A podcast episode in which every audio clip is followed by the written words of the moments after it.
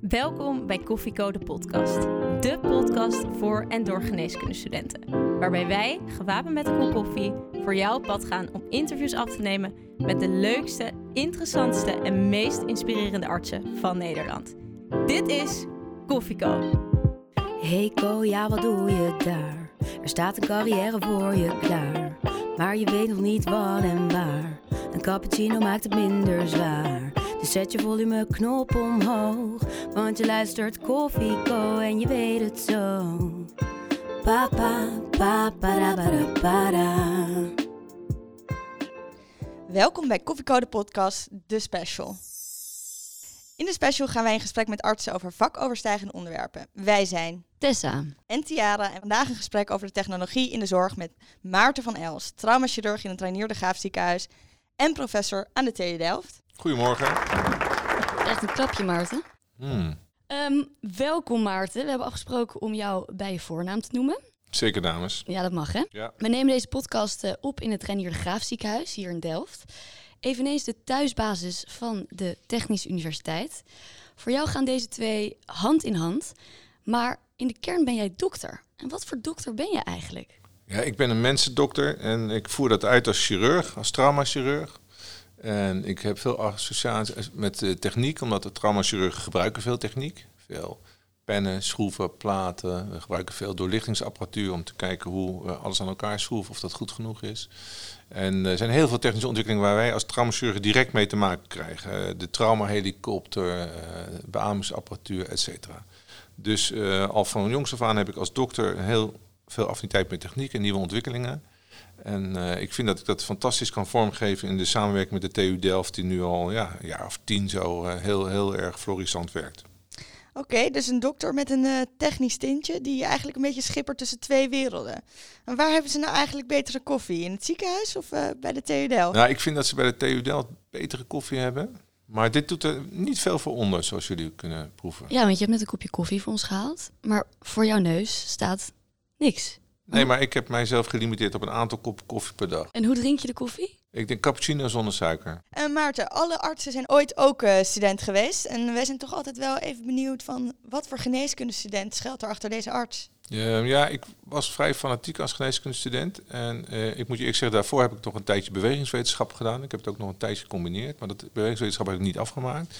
Maar daar was ook al veel te doen over het bewegingsapparaat, over mechanica, over krachten, over mensen die bijvoorbeeld geopereerd werden aan hun eh, knie. En dan kon je heel goed met bepaalde laboratoria meten welke spiergroepen ze wel en niet goed gebruikten. En dat kon je dan bijtrainen. Oh, Ik heb onder andere een onderzoek gedaan in eh, Chicago, het eh, lab van Jorge Galante.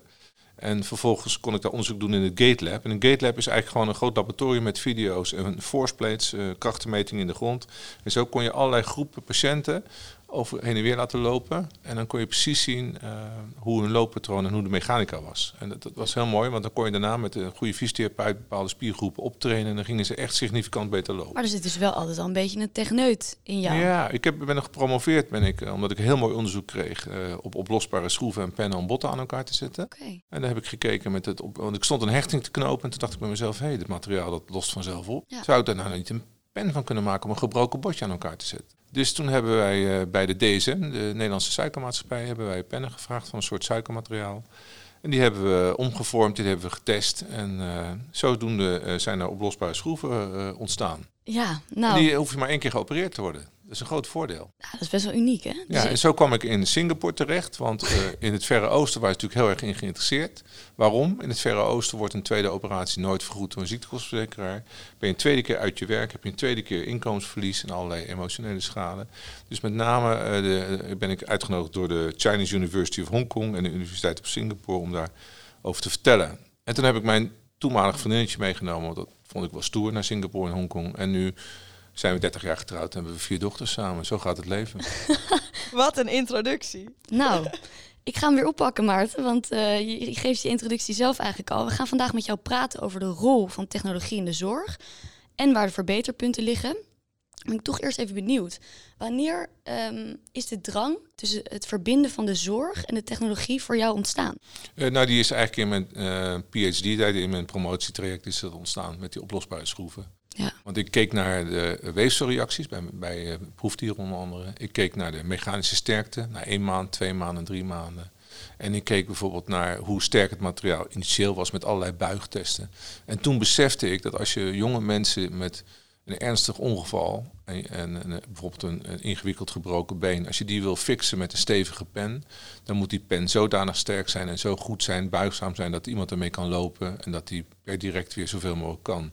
En dat was al voor mij de integratie tussen de mechanische eigenschappen van implantaten, en zelfs de biologische eigenschappen van implantaten, en daarnaast de revalidatie van de patiënt. Want voor mij staat wel de patiënt op nummer één. Daarom heette mijn oratie ook de stem van de patiënt. Daar gaan we het zeker zo meteen nog over hebben. Ja, en nou, wij zijn altijd heel benieuwd van, was er dan een omslagpunt op een gegeven moment tijdens die PhD dat je dacht, dit is het, hier wil ik de rest van mijn carrière aan de technologie uh? Ja, dat was wel zo, want ik, uh, ik had om de weefselreactie op die oplosbare dingen te testen, kreeg ik een begeleider toegewezen in, uh, in het ACTA, het tandheelkundig laboratorium van Amsterdam. Want daar konden ze met een speciale diamantzaag konden ze uh, de, de interface tussen het implantaat en uh, weefsel goed zichtbaar maken.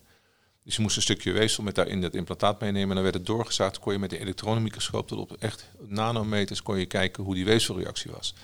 En die begeleider, dat was de bassist van De Dijk. Nou, De Dijk is een Nederlandse band. Ik weet niet of jullie hem kennen, want het is wel ver voor jullie tijd. Wel. Nee, dat ja, kennen jullie die? We zijn muziekliefhebbers. Van je ouders waarschijnlijk, nee, of niet? Nee, van onszelf. Ah, Oké, oké. Noemen ze een liedje van De Dijk? Oeh, die word ik getest. Nee, dat kan ik niet zo noemen. Nee, oké. Groot hart, zeg dat dan? Ja, oké. Nou, in ieder geval... Uh, de bassist van de Dijk, die ging met mij zagen samen. Toen zaten we sa dat moest s'avonds, want overdag was die in gebruik. Dus wij zaten s'avonds daar rustig met een kopje koffie uh, te zagen en koepers te maken en te praten. En hij was bioloog, een hele, hele begaafde bioloog. Hij is nog steeds een bioloog. En toen kwamen we in gesprek van wat wil je nou doen? Wat vind je nou interessant voor de rest van de tijd? En hij vond de dijk heel interessant en hij vond ook die, dat hele uh, elementaire onderzoek op ACTA heel interessant. Dus hij had een hele mooie duale uh, tijdsbesteding. En dat dacht ik, dat wil ik ook. Ik wil niet één ding, maar ik wil twee dingen. Ik wil op heel hoog niveau heel goed traumachirurg worden. En daarnaast wil ik een bijdrage leveren met onderzoek om die zorg sterk te verbeteren. En dan is het ook nog zo dat als je dat in twee verschillende werelden doet, blijft het ook nog heel interessant. Nou is het wel zo dat zeg maar, een groter verschil is tussen de dijk en ACTA dan dat het tussen de Rijn de Graaf en de TU is. Hoor, dat wel. je doet het in twee verschillende werelden, maar je verbindt ze. Dat is eigenlijk jouw rol. Je bent verbinder. Ja, zeker. Wat wordt er nou onder die technologie, die meeste technologie verstaan? Kun je dat even verhelderen? Nou, technologie, je moet het zo zien dat een enorme hoeveelheid technologie is, toe, uh, is, is, is, exponentieel toegenomen in het ziekenhuis. En dat komt omdat er heel veel nieuwe sensoren worden gemaakt in de technologie. Die worden veel in de industrie gebruikt. Hè, het, het, en het, uh, en zeg maar, om een voorbeeld te geven, het uh, magazijn van Albert Heijn, als je de uh, to go, hè, die bezorgdienst, is volledig geautomatiseerd. Dus jij zet in je computer wat je wil hebben. Drie chocoladerepen, vier pakjes cappuccino. En vervolgens komt het allemaal automatisch uit de schappen met een robotje. Wordt het naar een vrachtvaartje geregend en dan komt er zo'n vrolijke jongen bij jou s'avonds dat brengen dat zie je gebeuren in, bij Albert Heijn. Maar in het ziekenhuis heb je altijd zoveel gaasjes nodig en zoveel operatietangetjes nodig. En dat wordt nu allemaal geteld en gedragen door mensen naar de operatiekamer. Daar zijn mensen mee bezig. Dat is nog helemaal niet geautomatiseerd. Dus met andere woorden, als, industrie, als in de industrie dingen toenemen, dan zie je dat langzaam maar zeker zich verschuiven naar andere uh, delen van uh, de wereld. En dan zie je dat in de zorg ook de, de technologie enorm toeneemt. Ik noem de röntgenstralen en ik, ik noem de, de, sensoren en dergelijke. Dus met het beschikbaar komen van hele geavanceerde technologie, kijken wij hoe we die veilig toe kunnen passen in de zorg en hoe we daarmee de zorg veiliger en efficiënter kunnen maken. En wat zijn de domeinen waarop de technologie kan bijdragen in de zorg? Nou, in principe zou je weet allemaal dat er tekort is aan personeel. En wat moet het personeel tegenwoordig doen? Heel veel administratie. Er zijn verpleegkundigen die minder dan 50% van hun tijd aan de echte patiënt en de zorg besteden, maar meer dan 50% aan administratie en dingen tellen en ophalen. Al die domme, vervelende taken zullen we het maar noemen, zoals tellen, ophalen, eh, tellen of er nog genoeg aanwezig is, opnieuw bestellen. Dat kan allemaal door middel van technologie gebeuren. Maar ook andere taken, zoals het tillen van hele zware patiënten of het vervoeren van patiënten door het ziekenhuis naar de röntgenafdeling en terug, kan allemaal door robots uh, autootjes zonder bestuur veilig gebeuren. Want waarom? Dat gebeurt op Schiphol ook. Als je je auto op het parkeerterrein van Schiphol zet, kan je in een onbemande auto naar eh, de bus gereden worden. Hoe komt het nou dat de medische sector toch altijd een beetje achter lijkt te lopen? Nou, omdat de medische sector is conservatief, omdat het vooral om uitgaat van het belang van de patiënt. En het moet absoluut in de medische sector veilig zijn. Als een onbemand autootje op Schiphol een keer de bocht mist en tegen een autootje aanbotst, dan is daar niks aan de hand. Maar op het moment dat jij een elektrisch mes gebruikt wat je niet goed hebt ingesteld, en je brandt uh, een deel van een orgaan echt weg, heb je een enorm probleem. Dus wij medici zijn conservatief omdat we vinden dat het absoluut bewezen veilig moet zijn. En daarom gaat die introductie bij ons soms wat langzamer dan in andere sectoren van de samenleving. Je noemde net uh, de patiënten, dat het gebaseerd is op wat patiënt nodig heeft en ook wat het ziekenhuis nodig heeft. Hoe staan de patiënten tegenover de technolo technologische ontwikkelingen? Nou, dat, dat heeft mij echt verbaasd af en toe hoe positief mensen tegenover nieuwe technologie staan. Ze vinden het geweldig. Wij begonnen hier uh, twee jaar geleden met prostaatoperaties met de robot.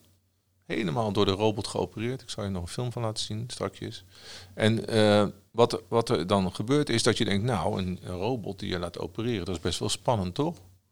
Ja. Ja. Wat bleek, er belden mensen op en die zeiden: Ik wil de eerste zijn die met die robot geopereerd wordt. Ik wil dat. Hoe, hoeveel, hoeveel moet ik ervoor betalen? Ik wil door die robot geopereerd worden. Robot gestuurd door mens of robot zelf? Robot gestuurd door mens. Oké. Maar, maar er zijn dus waarbij ik zou zeggen, ik bijvoorbeeld, ik overwoog destijds om een Toyota Prius te kopen, omdat dat was dan groen, zeg maar. Dus de lelijkste auto die er is. Maar oké, ik overwoog dat. Toen dacht ik bij mezelf, ja, de eerste Prius kopen, dat was gedoe met de batterijen. Hij reed maar 20 kilometer en dan stond hij stil. En toen dacht ik, nou, bij een auto kan je eigenlijk beter even wachten tot er duizend gemaakt zijn. En dan kun je die kopen. Maar zo werkt het in de zorg niet. Mensen vinden het heel interessant. Mensen willen, ik laat alle mensen al hun röntgenfoto's zien, vinden ze beren interessant. Terwijl ze, kijken naar een groot zwart-wit vlak. En, maar mensen zijn er echt mee bezig. Mensen willen graag een MRI zien en dergelijke. Zijn er ook mensen die eh, daar anders tegenaan kijken? Want als ik, kijk, ik ben co-assistent, ik zie wat de artsen kunnen. En als ik denk aan robot, dan denk, denk ik eigenlijk persoonlijk, doe mij maar een arts. Die heeft alles zelf in de hand. Ja, maar de arts opereert de robot, die bestuurt de robot. De robot doet niks zelf. En het tweede is dat de robot eh, is geen, uh, houdt alles heel stil. Kijk, bij ons is het zo dat de co-assistent na een drie uur gaat trillen. Toch? Ja. Ja, dat de, is chu- zeker waar. de chirurg na twee uur, de co-assistent na drie uur. Eh, het is ook zo dat eh, de co-assistent af en toe omkijkt en dan zie je het camerabeeld zo meebewegen, waardoor de camera niet meer scherp gesteld is. Nee, de robot heeft een glasheldere camera met eh, eh, een twee tot vijf keer vergroting. Staat helemaal stil, kan om de hoek kijken. En alles wat je vastzet staat vast en beweegt niet meer. En houdt het goed in beeld. Dus er zitten voor de chirurg en voor de patiënt grote voordelen aan het opereren met een robot. Want als het twee keer of vijf keer vergroot is, dan zijn alle zenuwbanen die je niet wil beschadigen ook twee tot vijf keer groter in beeld. En kun je dus heel voorzichtig en veilig opereren. En alleen het weefsel wegnemen, wat niet goed is. Maar de rest van het weefsel kun je laten zitten. Ik kan me voorstellen dat er zo'n robot waar we het over hebben, kost ongeveer 2,5 miljoen euro, heb ik me laten. Ja, alleen de aanschaf. Hè. Het is Ja. nog veel en veel duurder. Het moet echt bewezen werken voordat een ziekenhuis zoiets gaat aanschaffen. Ja. Is het bewezen dat het beter is? Voor sommige ingrepen is bewezen, voor sommige helemaal niet. En dat is ook wel, kijk, je kunt natuurlijk, ehm, je moet een robot, als je daarmee gaat beginnen, begin je met opereren op fantomen, soms op proefdieren, maar daar zijn we eigenlijk niet zo gek meer op, want we willen die proefdieren ook sparen. Maar in principe ga je eerst oefenen. Maar daarna komt het punt dat je zegt, oké, volgens ons werkt het goed en nu gaan we het op patiënten proberen. Dan doe je met informed consent van patiënten een studie. En dan kijk je gewoon prospectief gerandomiseerd of het veilig is en dergelijke. En daar komen hele mooie resultaten uit voor een aantal operaties, met name de prostaatoperaties. En wat blijkt dan? Dan blijkt dat het aantal complicaties na prostaatoperaties, die ontstaan door het beschadigen van die zenuwen in diep in het bekken, blijkt dat het aantal complicaties echt spectaculair dalen. En complicaties van prostaatoperaties zijn heel erg, want dat is over het algemeen eh, incontinentie voor urine Ja. en erectiestoornissen. En die worden over het algemeen als mensen als zeer invaliderend eh, Ja. ervaren. Zie ik dat dan eh, goed dat, dat het eigenlijk een hele grote investering is voor op lange termijn voor een ziekenhuis, zo'n robotaanschaf? Nou, het is een ingewikkelde investering, want het is A, aanschaf, daarna is het onderhoud en ten derde is het ook alle disposable materialen die je daarbij gebruikt. Dus alle hoesjes en dergelijke, die zijn ook nog heel duur per operatie. Dus het blijft een hele dure investering. Maar als je voor prostaatoperaties en voor dikke darmoperaties en voor gynaecologische operaties netjes aantoont dat het veiliger is en beter met minder complicaties, dan komt die investering eruit in de zin van eh, kwaliteit van levenverbetering en, en eh, langere levensduur van mensen. Echter, die de, de operatierobot is pas zo kort in Nederland dat we nog geen resultaten hebben van of er na 30 jaar meer mensen blijven leven na die robotoperaties. Wat wel aangetoond is dat, de, dat die complicaties met betrekking tot zenuwletsel, die zijn sterk afgenomen. Oké. Maarten, een modern ziekenhuis is eigenlijk nu al een hoogtechnologische omgeving. Ja. Hoe zorg je nou dat dat ook toegankelijk blijft voor, voor artsen? Nou, je moet daar vooral in opleiden. Dat is heel belangrijk. Dus eh, het is hoog complex en het is ook continu veranderend. Deze operatiekamer ziet er totaal anders uit dan die van tien jaar geleden. En die over tien jaar zal er ook weer totaal eh, anders uitzien. We zien bij de robotoperaties dat de operateur aan de linkerkant zit in een console. Die heeft een 3D-beeld heel scherp. En de, de, eh, vier, vijf meter verder ligt de patiënt en met de operatierobot. Dus het is echt een totaal ander beeld dan de groep chirurgen die vroeger boven, over de patiënt gebogen stond. En verder is het zo dat natuurlijk, omdat je een ziekenhuis vol stopt met techniek, wordt de interactie tussen patiënt en techniek heel belangrijk. Want bijvoorbeeld, we gebruiken lasers, we gebruiken elektrische messen, we gebruiken waterstralen, we gebruiken hoogfrequente geluidsstralen. Levensgevaarlijke dingen allemaal. Dus het is heel belangrijk dat je mensen goed traint en dat je de situatie veilig maakt. Want de patiënt heeft met, gaat onder narcose en moet zeg maar overleveren. Dus de patiënt moet absoluut veilig en goed verzorgd zijn. En dat betekent dat dus de apparatuur A goed moet zijn onderhouden, dat het goed moet werken en dat de mensen die ermee werken moeten optimaal getraind zijn. En het is natuurlijk zo dat als je kijkt naar de gemiddelde groep op de OK, dan staan daar co-assistenten, artsassistenten in opleiding, eh, eerste of zesdejaars, anesthesieassistenten, anesthesisten, en eh, wat oudere chirurgen of jongere chirurgen. Van alles staat uit elkaar. Mhm. En het team is zo sterk als de zwakste schakel. Dus op het moment dat de zwakste schakel de, de elektrisch mes verkeerd instelt, snijdt de chirurg iets dwars door midden wat hij niet door midden wilde snijden. Met andere woorden, je moet heel goed dat team trainen. Heel goed crew resource management doen, om het zo maar te zeggen. Het team moet optimaal samenwerken en optimaal functioneren. En daarvoor is communicatie heel belangrijk. Voor de luisteraar, eh, Maarten laat nu een aantal foto's zien van hoe dat er dan uitziet en hoe het verschil is met eh, tien jaar geleden. En dan liet je inderdaad die afstand zien van de operateur en eh, de artsassistent die dan aan tafel staat en de eh, operatieassistenten. En je laat nu zien hoe belangrijk het team is. Heeft dat invloed, die afstand, op het groepsgevoel? Want ik weet, als ik aan die OK-tafel sta met z'n allen, voor, zorgt voor een bepaald gevoel. Maar nu is er wel een bepaalde afstand. Ja, daar hebben we onderzoek naar gedaan, samen met Carina Hilders. Die is hoogleraar aan de Erasmus Universiteit. En we hebben teamonderzoek gedaan. Dus we hebben een enquête gemaakt en aan de gewone chirurgische teams gevraagd. En de eh, robotteams gevraagd. Hoe vind je de samenwerking en dergelijke? En toen hebben we vervolgens een technologie toegevoegd, want anders zouden we het geen onderzoek vinden natuurlijk. Wat hebben we gedaan? We hebben ze een speciale communicatiemiddel gegeven, het robotteam, door middel van een koptelefoon met een speciale microfoon. En konden ze heel helder met elkaar communiceren. Terwijl normaal gesproken op elkaar is er herrie. Ja. Heel veel herrie. Van de beademingsapparatuur, eh, de hartmonitor, et cetera. Piep, piep, piep. Iedereen praat door elkaar, et cetera. Soms nog mensen zetten zelfs muziek aan. Al dan niet eh eh, Ramstein of zo, weet je wel. Dan wordt het steeds, steeds ingewikkelder, steeds complexer. Maar er zijn mensen die kunnen daar goed functioneren. Maar wat blijkt nu? De teams van de robot, de uitslag van het onderzoek... wat we met Erasmus hebben gedaan in Delft...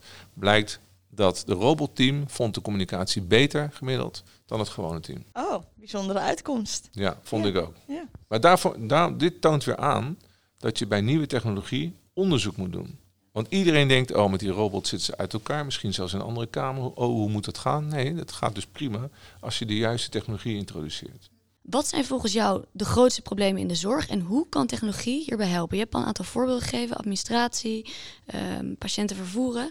Maar wat is voor jou het grootste probleem en hoe ga je dat oplossen? Nou, een groot probleem nu is dat we gewoon een vergrijzende bevolking hebben die steeds meer zorg nodig heeft. En dat er steeds minder mensen zijn om die zorg te leveren. En dat je ook het menselijk aspect in de zorg niet wil vergeten. Dus ik denk dat je door middel van slimme technologie kun je de zorg veiliger maken. Want mensen worden beter gecontroleerd, beter in de gaten gehouden, zeg maar. Incidenten worden sneller gedetecteerd. Hè. Je hebt tegenwoordig een plakker, een pleister, die plak je op je borst. En die houdt je als hartpatiënt je hart in de gaten. Zelfs thuis kan dat. En op het moment dat je een hartritmestoornis heeft, gaat er een bel af ergens en komt iemand naar je toe en komt je helpen. Dus het is veiliger geworden. Maar daarnaast is het zo dat als jij dat, die administratie en dat tellen en dat eeuwig maar eh, eh, doortellen en controleren, als je dat overlaat aan robots, dan hebben mensen tijd om een praatje met je te maken. Die kunnen gewoon naast je zitten of een wandelingetje met je te maken. De dokter weer terug, de dokter en de verpleegkundige weer terug naar de vooral de verpleegkundige is ook heel belangrijk. Die heeft extreem veel extra taken gekregen die niks met de patiëntenzorg te maken heeft, patiëntencontact. En daarom is het belangrijk, want dat blijkt als je de stem van de patiënt luistert, dan zegt hij: ik wil wat meer compassie, ik wil wat meer empathie en ik wil gewoon een praatje, de menselijke waarde. Het is wel grappig dat je dit zegt, want voorafgaand aan het interview had ik in mijn hoofd, nou die technologie zorgt juist voor een grotere afstand tussen patiënt en dokter. Maar als u het zo beschrijft, dan denk ik eigenlijk dat het andersom is. Het is echt, eh, ook dat is wetenschappelijk bewezen dat het andersom is. Want waarom? Die videoconsulten, waarmee mensen gewoon vrijuit met hun dokter kunnen praten op een, op middag, gewoon face-to-face, terwijl ze niet hoeven te komen, niet met de trein hoeven, niet hun dochter hoeven te eh, charteren, die worden zeer gewaardeerd. Het menselijk contact, zelfs door de camera. En nu met COVID-tijd ook. Hè. We hebben hier een fantastische artsassistent interne. Bezoet. En wat heeft hij gedaan? Die heeft via een crowdfundingsactie heeft hij iPads geregeld, waardoor mensen fulltime hun geliefde op de IC die aan COVID werden beademd konden zien. Dat heeft de artsassistent geregeld. En Wauw. die, die- die- dat was echt een groot succes. En mensen waren er heel erg blij mee. Zowel de mensen thuis als later, als de mensen wakker werden. En beter werden ook de mensen die het moesten ondergaan. Dus weer een manier waarop simpele technologie de patiënt kan helpen. Ja, een iPad heeft iedereen toch? Ja, ja. Ik heb hem zelfs. Ja. Ja, een van de dingen die ehm, eh, wat bij mij naar boven komt is eh, privacy. Het is eh, ja, heel actueel. De hele wereld is bezig met hoe kan ik mijn privacy eh, behouden. Dat lijkt me heel erg moeilijk in de, in de technologie in de zorg. Ja, Hoe hebben, pakken jullie dat aan? nou, het is een goed punt. Wat belangrijk bij ons was bijvoorbeeld, wij vonden privacy zo belangrijk dat we allemaal eenpersoonskamers gingen bouwen in het nieuwe ziekenhuis. Dus hier zitten maar een paar kamers voor meerdere mensen. Allemaal een eenpersoonskamer met een tv. En er zit een sluis voor. Twee deuren. Eén deur kom je binnen, rechts zit het toilet en de badkamer en voor het net zit er dan nog een deur achter.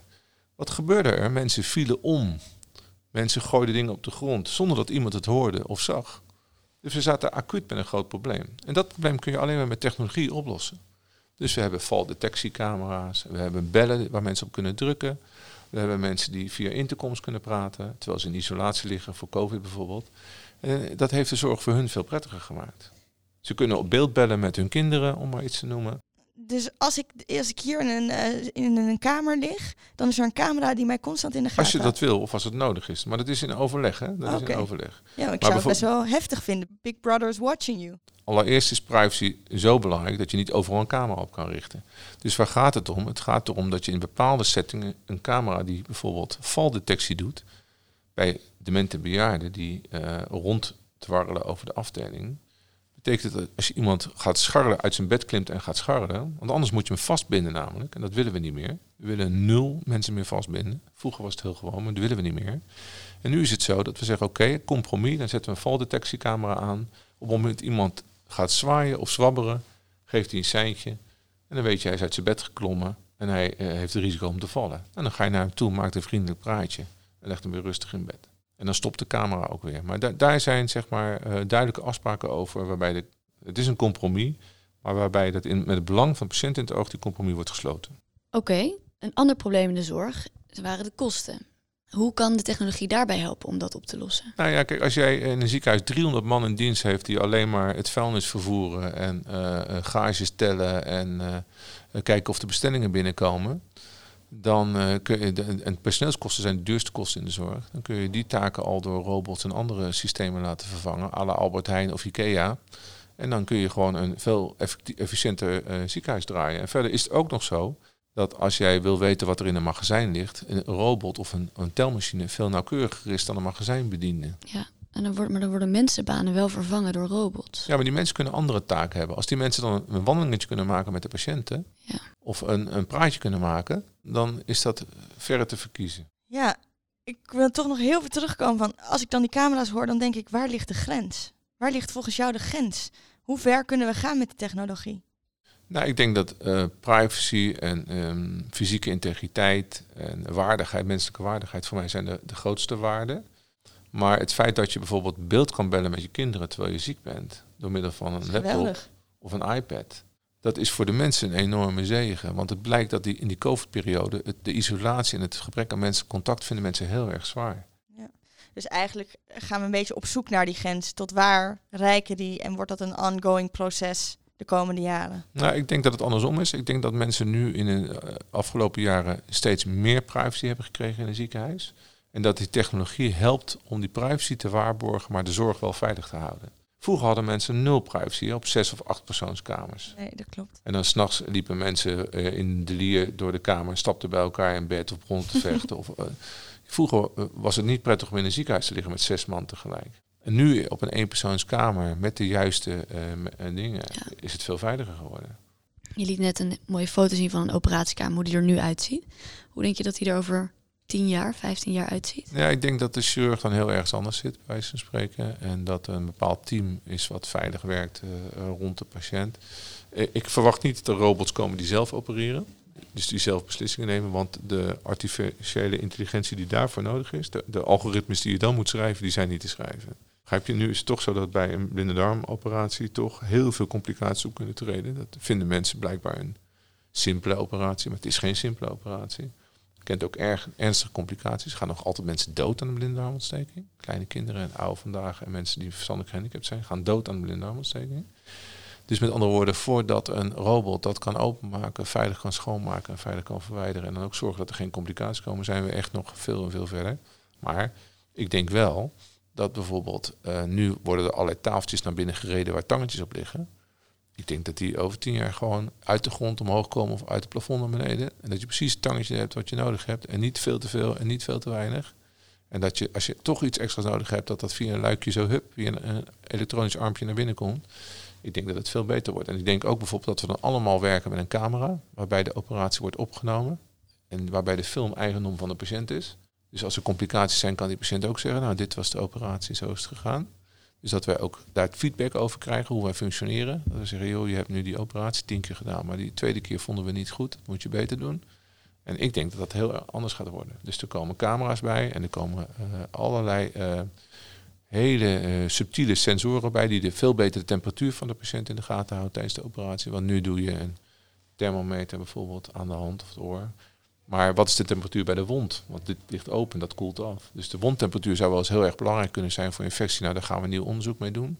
Met een meter die we van uh, de ruimtevaartfaculteit krijgen. Die kan precies temperatuur op afstanden meten. Dan gaan we de wondtemperatuur bekijken. En ik denk dat er dan tegen die tijd ook iets is wat die wondtemperatuur reguleert. Wauw, ik kijk echt uit uh, naar die tijd. Eén ding die we dan niet hebben belicht, we hebben nu de patiënt belicht, hoe ziet het eruit over een aantal jaar. Maar met al deze ontwikkelingen, hoe staan de huidige artsen daar tegenover? De meeste artsen vinden het heel erg leuk om op de robot te werken, bijvoorbeeld. Om dat te leren opereren. Die vinden dat heel interessant. Het mooie van het vak van dokter is dat je altijd naar school moet blijven gaan en altijd moet blijven leren.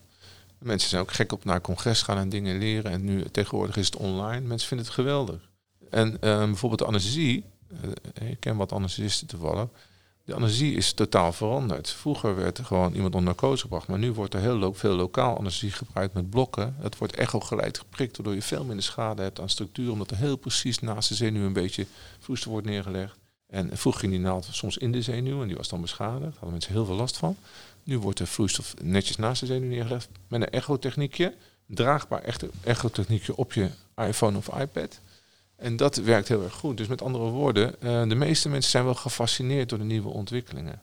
En het is natuurlijk wel zo dat als jij uh, je patiënten thuis zou kunnen behandelen in hun eigen omgeving, betekent dat dat de hele zorg verandert. Want ik denk dat dit ziekenhuis veel te groot is over tien jaar. Dit ziekenhuis staat leeg. Of daar zitten mijn onderzoekers in bijvoorbeeld over tien jaar. Dat zou best eens kunnen. Of, of jullie met Koffieco, een heel grote studio. Zou best oh.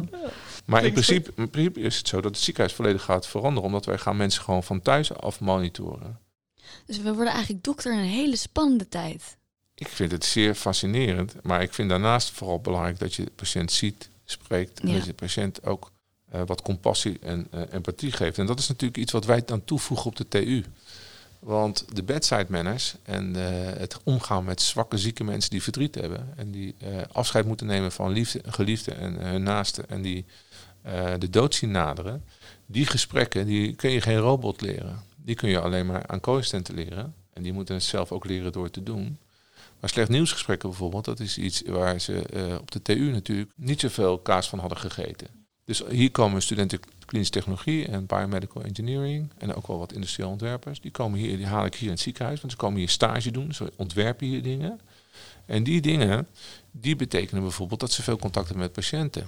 En dat, dat moeten ze leren. En dat zijn mensen, kijk, in de, helaas is het nu COVID, dus kunnen jullie niet naar de kroeg gaan zo. Ik, vind je nog redelijk opgewekt gezien omstandigheden. Maar eh, in principe is het zo dat als je met iemand praat die ziek is en pijn heeft en onder invloed is van medicijnen, dan moet je echt anders communiceren. Dan moet je heel duidelijk checken of ze dit begrepen hebben. Moet je vragen of ze het in hun eigen woorden nog eens willen vertellen en dergelijke. Dat kost een beetje tijd, niet veel. Maar met andere woorden, die communicatie is totaal anders. En dat, dat hebben technologen niet die binnenkomen hier. Dit moeten ze leren. En dat leren ze door hier een stage te lopen. En... Door ervaren klinici begeleid te worden. Want het is het hele ziekenhuis werkt mee. Hè. Ze kunnen overal terecht.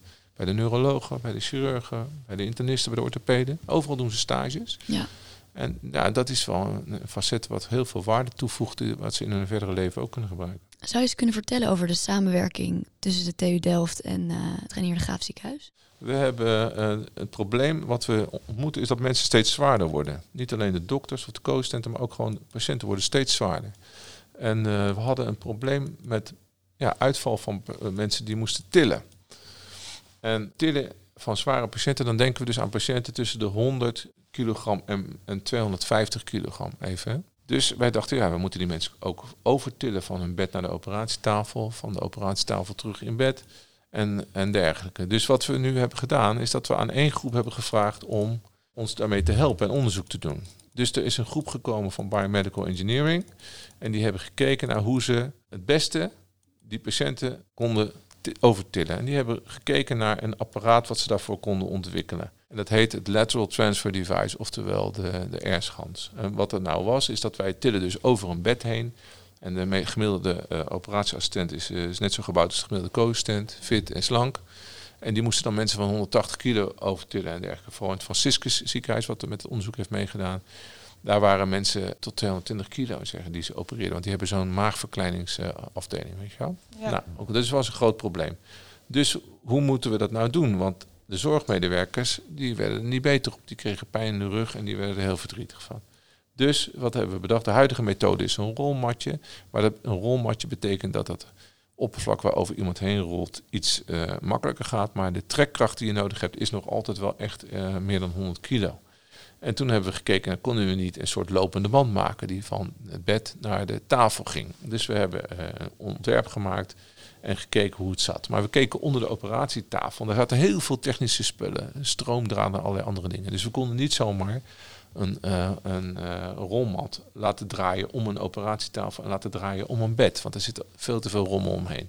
Dus hebben ze iets anders bedacht en dat is een briljant ontwerp, vind ik zelf, de airschans. En de airschans is echt iets wat je thuis zou moeten hebben, want dit is een, er zit een sterke compressor in. En dat ding is niet, dat is een, zeg maar een soort uh, um, luchtbed. Je legt uh, het leeg, leg je het voor op de tafel voordat de patiënt erop klimt. Die klimt erop. En dan kan dit ding binnen één minuut zich volledig opblazen, waardoor het een schuine schans wordt. En dan kun je met een simpel trekbeweging kun je de patiënt overschuiven naar het bed. Dat betekent een reductie van vele, vele honderden procenten in trekkracht. Dus hier kan iemand van 50 kilo met dunne armen, kan een patiënt van 120 kilo moeiteloos overtillen. Wauw. En vervolgens laat je hem leeglopen. Je opereert de patiënt. En dan kan hij de andere kant op opblazen en gaat hij weer terug. Dus dit hebben vier studenten. Ze zijn tussen de 20 en de 23 van BME. Uh, het zijn uh, natuurlijk goede vrienden van ons geworden nu, want ze hebben hier wekenlang rondgelopen en alles bekeken. En ze hebben dit ontworpen, bedacht ontworpen. En ze hebben een prijs mee gewonnen, want wij houden ieder jaar wij houden van wedstrijden. Dus wij maken ieder jaar een wedstrijd voor het beste ontwerp. En is het al geïmplementeerd, dit idee? Dit wordt nu overgenomen door iemand die luchtbedden maakt voor medische toepassingen. Bijvoorbeeld ook die bedden waar mensen in liggen, weet je wel. Ja. Die is zeer geïnteresseerd. Oh, leuk. En dan zal een van deze mensen, of meerdere, zullen samen een start-up bedrijfje beginnen. En dan gaan ze ermee aan de slag. Maar hoe herken je nou een goed idee? Want je, je hebt niet alle tijd van de wereld, dus je moet je wel focussen op bepaalde dingen. Nou, je moet, we hebben heel veel uh, ervaren specialisten hier werken. En die hebben zich nu ertoe gezet om één keer in de zoveel tijd een vraag te formuleren voor een groepje BME, IO of andere studenten. Dus we hebben vaste relatie met vaste begeleiders op de TU. Ik ben er ook een van. En wat we dan doen is die, we halen vragen op. We doen twee andere dingen die ook heel erg belangrijk zijn. Als je die groepjes ziet, hè, we hebben ook onderzoek gedaan naar de meest optimale kleur bij kijkoperaties. Wat is het veiligst? Waar kun je het beste structuren herkennen als zenuwen en bloedvaten? En dan hebben vier studenten van vier faculteiten en vier nationaliteiten hebben samen onderzoek gedaan. ze komen van lucht- en ruimtevaart, van elektrotechniek, van natuurkunde en van werktuigbouwkunde. Uh, ze komen uit Rusland, uit Israël, uit Nederland en uit uh, Spanje. En die hebben samen dit onderzoek gedaan. En dan bleek dat we met een bepaalde blauwe kleur de beste observaties kunnen doen. En dit hebben we een enquête gemaakt onder veel ervaren uh, laparoscopische chirurgen. Die kwamen naartoe. Dus zo kom je uit vragen uit het ziekenhuis, kom je tot techniek. De andere kant om is dat er niet alleen vragen uit het ziekenhuis naar de TU gaan, maar dat er ook TU-voorstellen naar het ziekenhuis komen. Dus wat we doen, is we, we brengen de studenten komen hier, beantwoorden vragen, bouwen prototypes om te kijken of iets werkt. En die worden klinisch ondervraagd door jonge dokters, verpleegkundigen, ervaren dokters en dergelijke. En behalve dat we de studenten elk jaar een paar keer hier hebben, gaan we ook naar, met verpleegkundigen en anderen naar de TU toe. Om ervoor te zorgen dat we daar vragen kunnen neerleggen en kunnen zien wat de mogelijkheden zijn. Want de TU heeft een ander voordeel boven het ziekenhuis. Het, e- de TU ontwikkelt dingen. Dus je kunt vragen om een bepaalde sensor. We hadden veel problemen met doorlichtwonden op de rug. Dat is erg pijnlijk, doorlichtwonden, Mhm. mensen die lang in bed liggen. Kosten 5 miljard per jaar aan de verzorging van doorlichtwonden in Europa. 5 miljard per jaar. Nou, en er is twee elektrotechnisch jonge ingenieurs, Menno en eh, eh, Ide. Menno en Ide waren aan het eind van de opleiding en die hebben gedacht, oh, wij maken een mat met sensoren, met die impedantie meten. Die leggen we onder een patiënt en vervolgens gaan we kijken of we kunnen vaststellen of iemand langer in één houding ligt of niet. En zo hebben we dat gedaan. Dus we hebben die mat gemaakt en vervolgens zijn we aan de slag gegaan. En die mat is getest in ons ziekenhuis. Dus onze patiënten, en eh, als ik heel eerlijk ben, ik zelf ook, hebben allemaal op die mat gelegen. En, Dacht eh, lekker? Oh ja, het is prima. Je had er nergens last van. Ik, maar je moet geen precies op de ert zijn. Dus ik kijk een beetje naar jullie. Ik weet niet of het voor jullie helemaal geschikt is. Hè? Oh. Maar in principe is het zo dat die mat, hè, die voel je niet en die werkt gewoon. En die, als een patiënt te lang in één houding ligt, dan gaat er een seintje naar de eh, verpleegkundige op de afdeling. En die loopt dan langs en die vraagt die patiënt om even wat om te draaien. En die, dat, dat is daarna door Yes Delft gegaan, door de incubator. Die jongens zijn begeleid door allerlei mensen. En nu is het een heel goed bedrijf. En hebben wij als ziekenhuis de eerste duizend van die matten gekocht om te implementeren. Wauw, eigenlijk eh, de mogelijkheden zijn oneindig als ik het zo hoor. Ik denk dat we nog een heel uur kunnen vu- vullen met dit soort voorbeelden. Maar wat ik mij nu afvraag, er luisteren hier allemaal jonge dokters, co-assistenten. Hoe kunnen wij, wij kunnen niet allemaal Maart van Els worden of wij kunnen niet een andere studie nog daarnaast gaan doen. Hoe kunnen wij nog bijdragen? Hoe kunnen wij bijdragen aan deze ontwikkeling en onze inzetten hiervoor? Nou, wat heel belangrijk is, is dat je een open mind hebt en een open blik. Dus wat jij moet doen, is dat je door het ziekenhuis moet lopen en je moet de processen bekijken en de patiënten bekijken en zeggen, waar heeft de patiënt nou behoefte aan? Wat zou nou mooi zijn? Willen ze muziek horen? Misschien moeten ze dan een mooie koptelefoon krijgen en de mogelijkheid met een iPhone of met een iPadje hun eigen muziek in het ziekenhuis te draaien. Want als je je eigen muziek gebruikt, voel je je al beter. Je moet rondkijken, je moet kijken naar processen, je moet kijken naar de apparatuur. Als je op de OK staat, dan zeg je, joh, dit moet veiliger, dit moet beter. Hier gebeuren ongelukken mee als we het niet goed doen. Eén goed voorbeeld is ook dat je moet luisteren naar mensen. Dus bijvoorbeeld een van onze operatieassistenten, die moest die zakken uit die bloedzuiger vervangen steeds. En dat spettert. Nou, tegenwoordig weten we wat aerosolen zijn. Hè? Ja. Eh, Dus de aerosolen komen vrij en eh, risico op besmetting met allerlei nare ziektes en virussen. Dus die mevrouw zei, ik wil graag dat de TU-studenten komen, want ik wil dat dit beter gaat. En toen kwamen de TU-studenten van 21 jaar oud, de allereerstejaars van BME. Die maakten voor haar een vacuümmachine die die zak vacuüm zoog en daarna sealde. Had twee voordelen. A, geen enkele spetter, geen enkel aerosol. Het tweede, het volume halveerde, waardoor de eh, vervoersprijs halveerde. Wauw. Zo gaat het. Dus ik bedoel daarmee, je moet een open mind hebben. En vervolgens moet je wel de stap zetten om het contact te leggen. Nou, een van mijn eh, taken hier en wat ik doe, is dat ik het heel makkelijk maak om contact te maken. Dus twee keer per jaar kunnen mensen allemaal vragen inleveren. En dan komt er een team studenten en die komt je helpen. Dat zijn eerstejaarsstudenten of bachelor-eindprojectstudenten, tweede, derdejaars. Of masterstudenten. En de masterstudenten van de TU, mind you, die komen een jaar lang bij jou rondlopen om een probleem op te lossen. Een jaar lang. En dat moet je doen. Je moet gewoon contact leggen met de TU Twente, de TU Delft of andere eh, Eindhoven. En zeggen, ik heb een probleem, dat moet opgelost worden. En die mensen vinden het heel leuk om in een ziekenhuis problemen op te lossen. En wat nou als je geneeskundestudent bent en je hebt een idee? Waar moet je Nou, dan zijn? A is het zo dat de geneeskunde, de, de technische geneeskunde is een hybride studie waarbij veel interactie is. Dus je kunt zeggen, oké, eh, de technische geneeskundestudenten die komen het ziekenhuis in, daar kan ik contact mee leggen. Maar daarnaast is het natuurlijk zo, als geneeskundestudent heb jij begeleiders. Je hebt je co-begeleider, je hebt uh, allerlei specialisten waarmee je werkt. En als je daarmee aankaart dat je zegt, volgens mij kan het beter, dan is zo iemand ook wel geneigd om je te helpen. En verder is het zo dat ieder ziekenhuis, ieder opleidingsziekenhuis en iedere universiteit heeft fondsen. Dus die kunnen jou geld geven, waarmee je ook mensen kan inhuren om dingen te maken. Je kunt sensoren kopen, et cetera. Je kan zelf aan de slag. Maar het belangrijkste is een open mind eh, voor verbetering. Nog even terug naar die artsen. Ehm, en wij jongens, jonge artsen denken dan natuurlijk van... oké, maar wat als ik nu chirurg wil worden? Moet ik dan per se affiniteit hebben met techniek? Omdat het zo gaat veranderen in de toekomst? Ja, je zult als chirurg wel affiniteit met techniek moeten hebben. Want iedere chirurg heeft dagelijks te maken met complexe technologie die potentieel ook heel gevaarlijk is en dergelijke. Dus je moet een bepaald niveau van interesse hebben. Maar dat geldt ook wel als je auto's verkoopt. En dat geldt ook wel als je makelaar wordt. Dan moet je ook iets van techniek weten of het huis eh, goed gebouwd is, ja of nee. Dus techniek is in onze samenleving eh, sterk verweven. Daar zul je uh, in ieder geval mee moeten dealen. Wat voor dokters heel belangrijk is, dat ze goed met patiënten praten. Dus ik vind die empathie en die compassie veel belangrijker dan een affiniteit of weten hoeveel volt iets of hoeveel ampère iets is. Het gaat mij, dat is het eerste. Maar vergis je niet, als je eenmaal hebt begrepen dat je meer tijd hebt voor een praatje en voor empathie en compassie, omdat je slimme technologie hanteert, is de motivatie om met techniek bezig te zijn veel groter. Leuk om nog even te hebben over jouw oratie. Je bent hoogleraar, als arts ben je hoogleraar geworden aan de TU Delft. Uh, titel van je oratie was De stem van de patiënt. Iets wat ook in dit interview meerdere malen is teruggekomen, dat je dat heel belangrijk vindt. Je bent hoogleraar op het gebied van klinisch patiëntveiligheid en efficiëntie. Zeg ik dat goed? Ja. En wat is nou voor de komende vijf jaar jouw missie? Nou, mijn missie is de zorg veiliger maken door het introduceren en het ontwikkelen van veilige technologie. En daarnaast is mijn missie om dat te doen in overeenstemming met de waarde van de patiënt. Dus ik kijk naar technologie en ik vind technologie uh, moet veilig zijn. Het moet het werk efficiënter maken, maar het moet vooral voor de patiënt het verblijf in het ziekenhuis prettiger, korter en als het kan goedkoper maken. Hoe ga je die patiënt een stem geven? Nou, we praten natuurlijk heel veel met patiënten. Al dat wetenschappelijk onderzoek vindt plaats uh, alleen maar met informed consent van patiënten. En daarnaast is het zo dat wij natuurlijk, dat is het grote voordeel van als klinicus op de TU rondlopen, we hebben daar, ik heb daar contact met patiënten. En ik zie ook precies wat je net ook al aangaf, ik zie ook de schade die mensen ondervinden van slecht gebruikte technologie. Ik heb jarenlang in de klachtencommissie gezeten, in de calamiteitencommissie en een deel daarvan kwam door technologie. Een deel door communicatie, maar een deel door technologie.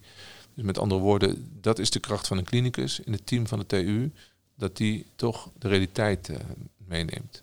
En daar is het ook nog zo dat er in de wereld gewoon heel veel goede instituten zijn die daar onderzoek naar doen. Ik wil je, denk dat je het goed is als co als je kijkt naar de website van ECRI, Emergency Care Research Institute. Dat is een Amerikaans instituut dat eh, kijkt, uh, dat zijn alleen maar dokters, maar die kijken heel kritisch naar de zorg. Die, die identificeren allerlei risico's. En ieder jaar brengen ze een top 20 uit van risico's in de zorg, met technologie ook. Bijvoorbeeld op nummer 1 staan bijvoorbeeld staplers. En op nummer 7 of zo staat het doen van operaties met een robot die niet bewezen zijn. Die zijn uitermate kritisch. Nou, dat is heel mooi. Dat die, die groep adviseert uh, de president van Amerika, die adviseert alle Amerikaanse ziekenhuizen en adviseert Europa dus ook. En ik doe dus vooral onderzoek bijvoorbeeld aan die onderwerpen.